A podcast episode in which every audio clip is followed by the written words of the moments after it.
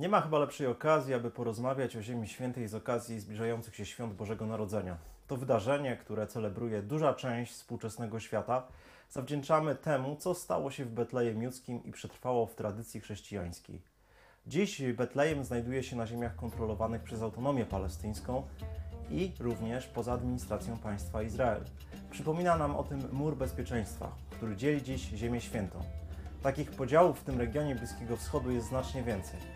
Warto przypomnieć chociażby spór o to, kto ma większe prawo do miejsc świętych dla chrześcijan katolicy, a może kościoły wschodu. W czasach Imperium Osmańskiego wiele zależało od europejskich protektorów poszczególnych kościołów i ich wpływów na politykę Stambułu. To od tego, kto miał właśnie owe większe wpływy, zależał dostęp do takich miejsc jak kościół w miejscu uznawanym za miejsce narodzenia Jezusa.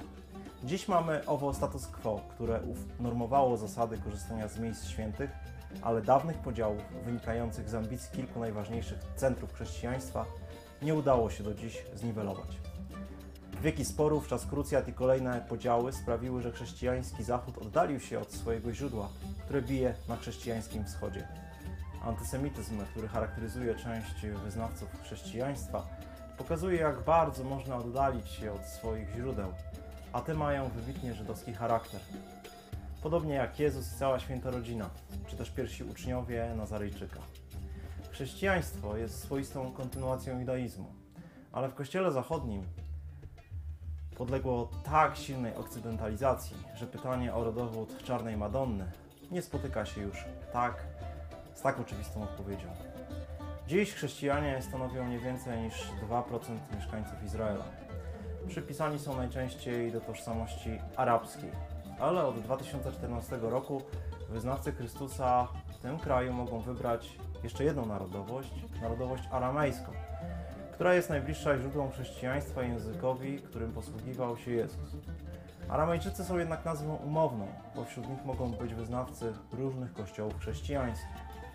Najwięcej osób uznających się za tę nację dziś w Izraelu znajdziemy wśród wiernych kościoła maronickiego, którzy byli wiernymi sojusznikami Izraela na froncie libańskim. Wraz z wycofaniem się izraelskiej armii z południowego Libanu, Maronici wspierający ich siły nie mogli zostać na terytorium swojej ojczyzny. Sytuacja chrześcijan nie przedstawia się lepiej na terenach znajdujących się w granicach autonomii palestyńskiej. Duży odpływ ludzi, imigracja w poszukiwaniu lepszego i bezpieczniejszego życia robią swoje. Szczególnie w strefie gazy chrześcijanie stają się ofiarami coraz większej radykalizacji muzułmanów i odchodzą na naszych oczach. Dziś jest ich mniej niż 1%. Perspektywy nie są lepsze na zachodnim brzegu. Tam chrześcijanie stanowią zaledwie 2%. Wieki arabizacji, islamizacji wypierają chrześcijaństwo z tego regionu. A jednak na terenach nazywanych autonomią palestyńską Żydzi nie są postrzegani jako starsi bracia w wierze. Chrześcijanie byli aktywni w szeregach organizacji wyzwolenia Palestyny, a Izrael wciąż jest częściej traktowany w kategoriach wroga niż potencjalnego sojusznika.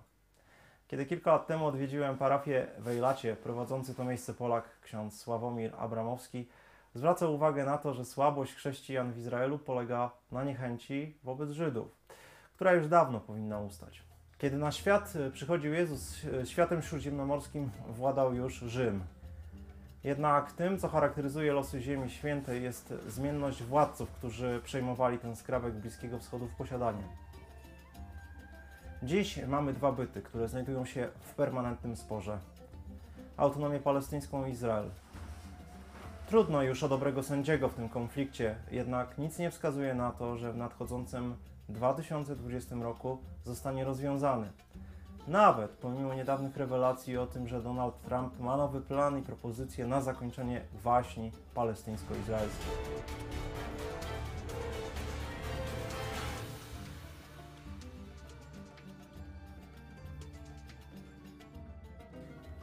Kilka lat temu miałem okazję spotkać się z jednym z twórców gry komputerowej Peacemaker, Asi Buraki. Ideą tej gry było umożliwienie graczom wcielenie się w liderów jednej ze stron konfliktu, izraelskiej bądź palestyńskiej. Bez względu na to, którą ze stron wybierał gracz, utrzymanie pokoju na Bliskim Wschodzie i doprowadzenie do porozumienia było wręcz niemożliwym wynikiem gry. Przegrywali to znamienne politycy, którym udostępniono grę projekcie wzięła udział również młodzież. Chociaż e, twórca tej gry jest przekonany, że jest ona w stanie zmieniać pokolenia i zapobiegać wojnom, to wciąż nie widać tego w Izraelu. Bo jeśli wrócimy na terytorium, gdzie znajduje się chociażby miasto przypisane Jezusowi, Nazaret, to zrozumiemy, w jak trudnym położeniu znajdują się zwolennicy pojednania. Rany są wciąż rozpalane wzajemnymi atakami.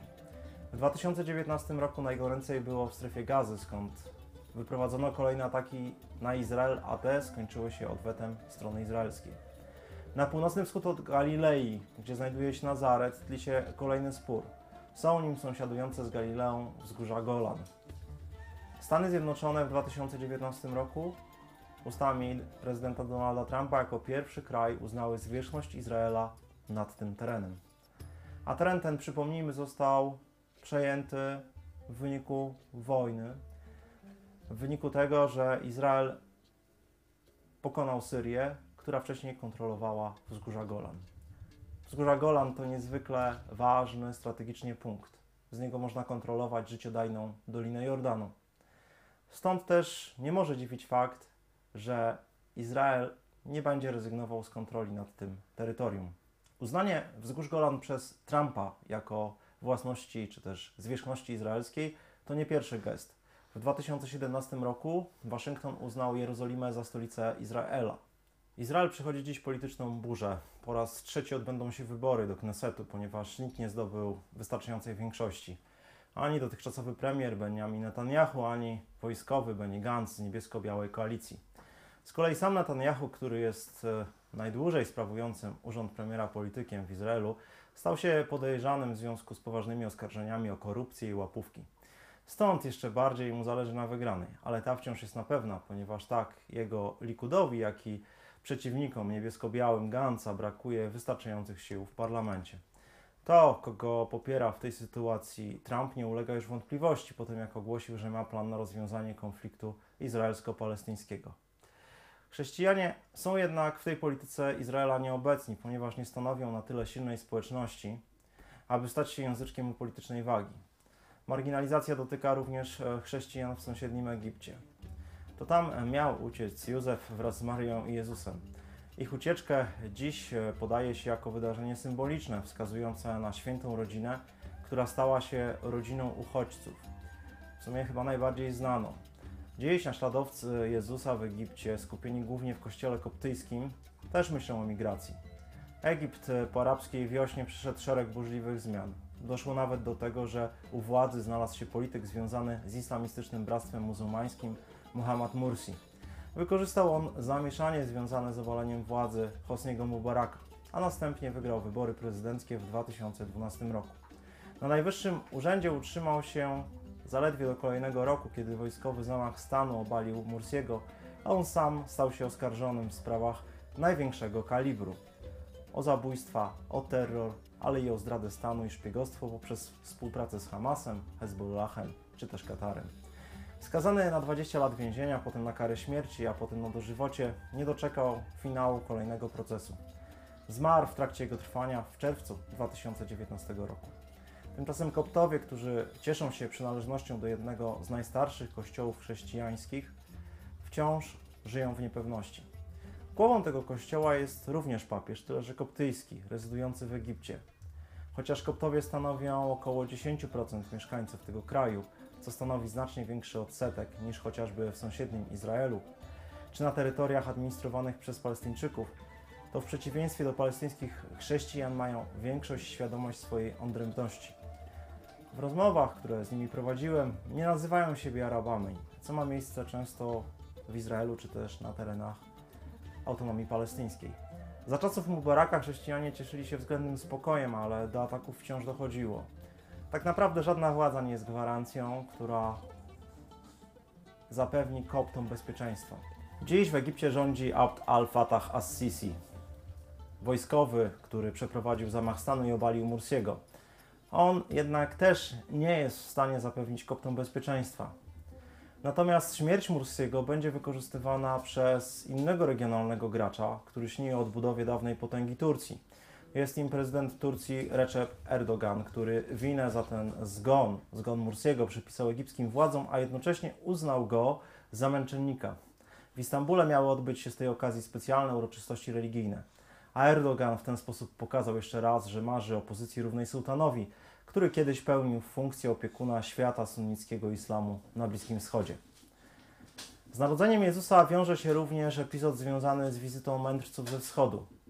Tradycja, która wskazuje na ich pochodzenie z rejonów Persji, sprawia, że nie sposób pominąć Iranu w tej skomplikowanej układance Iranu w roku 2019, bo ten rok był czasem trudnym dla tego państwa. Wojna ze Stanami Zjednoczonymi wydawała się być bardzo blisko. Kolejne incydenty w Zatoce Perskiej sprawiły, że media zaczęły wieścić wybuch konfliktu. Tymczasem Iran wciąż jest w grze.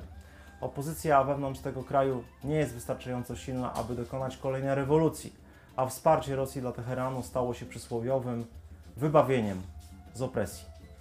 Te związki między Iranem a Rosją również bardzo dobrze tłumaczy sytuacja w Syrii, gdzie Bashar al-Assad tak naprawdę zachował swoją władzę dzięki dobrym relacjom tak z Iranem, jak i z Rosją. Natomiast w samym Iranie chrześcijan jest bardzo niewielu. Duża część to chrześcijanie czy też Irańczycy pochodzenia ormiańskiego, którzy nie stanowią nawet 1% mieszkańców tego kraju. Po śladach działalności asyryjskiego kościoła wschodniego zostało też tutaj niewiele śladów, poza historycznymi świadectwami.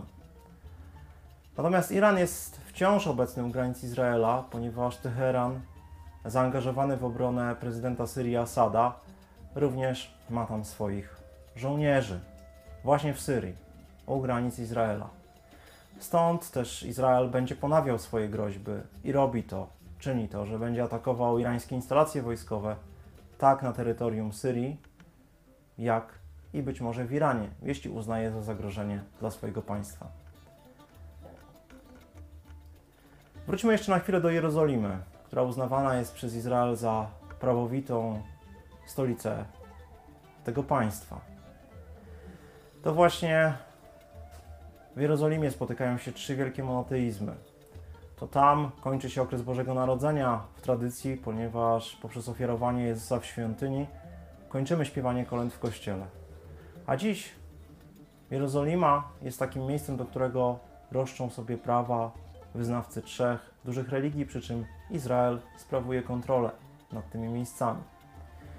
Sam Izrael ma również problemy ze swoją społecznością, społecznością Żydów, ponieważ w 2019 roku wybuchły potężne protesty Żydów etiopskiego pochodzenia, którzy uważają się za osoby gorszej kategorii, za osoby dyskryminowane, a tą iskrą było zastrzelenie etiopskiego nastolatka, który miał zachowywać się agresywnie wobec innych dzieci i został postrzelony ze skutkiem śmiertelnym przez izraelskiego policjanta.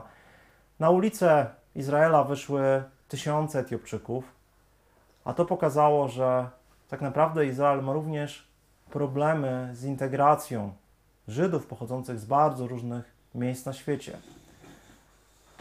Są wreszcie Żydzi ultraortodoksyjni, którzy tak naprawdę negują istnienie państwa Izrael.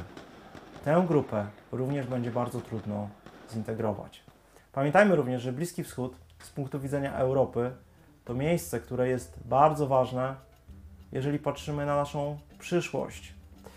Przyszłość kontynentu europejskiego, bo to, co dzieje się w Syrii, Libanie, to, co dzieje się w Izraelu, to, co dzieje się również w północnej Afryce, ma potem wpływ na to, co dzieje się na terenie Unii Europejskiej.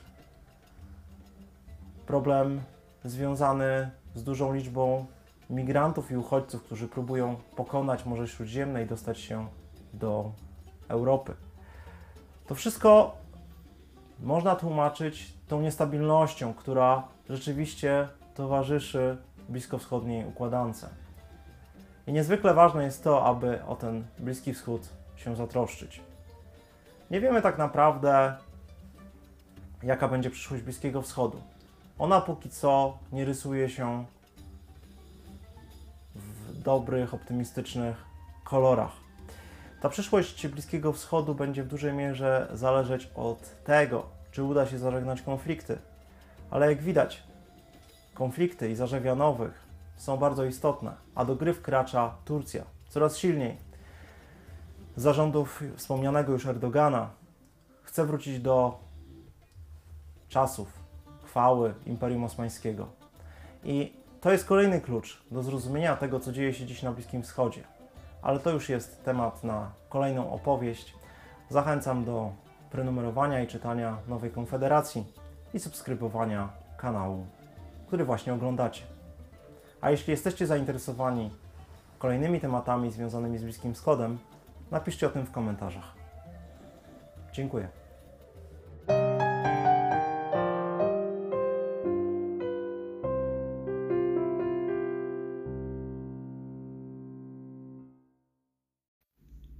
Podcast sfinansowano przez Narodowy Instytut Wolności Centrum Rozwoju Społeczeństwa Obywatelskiego ze środków Programu Rozwoju Organizacji Obywatelskich na lata 2018-2030.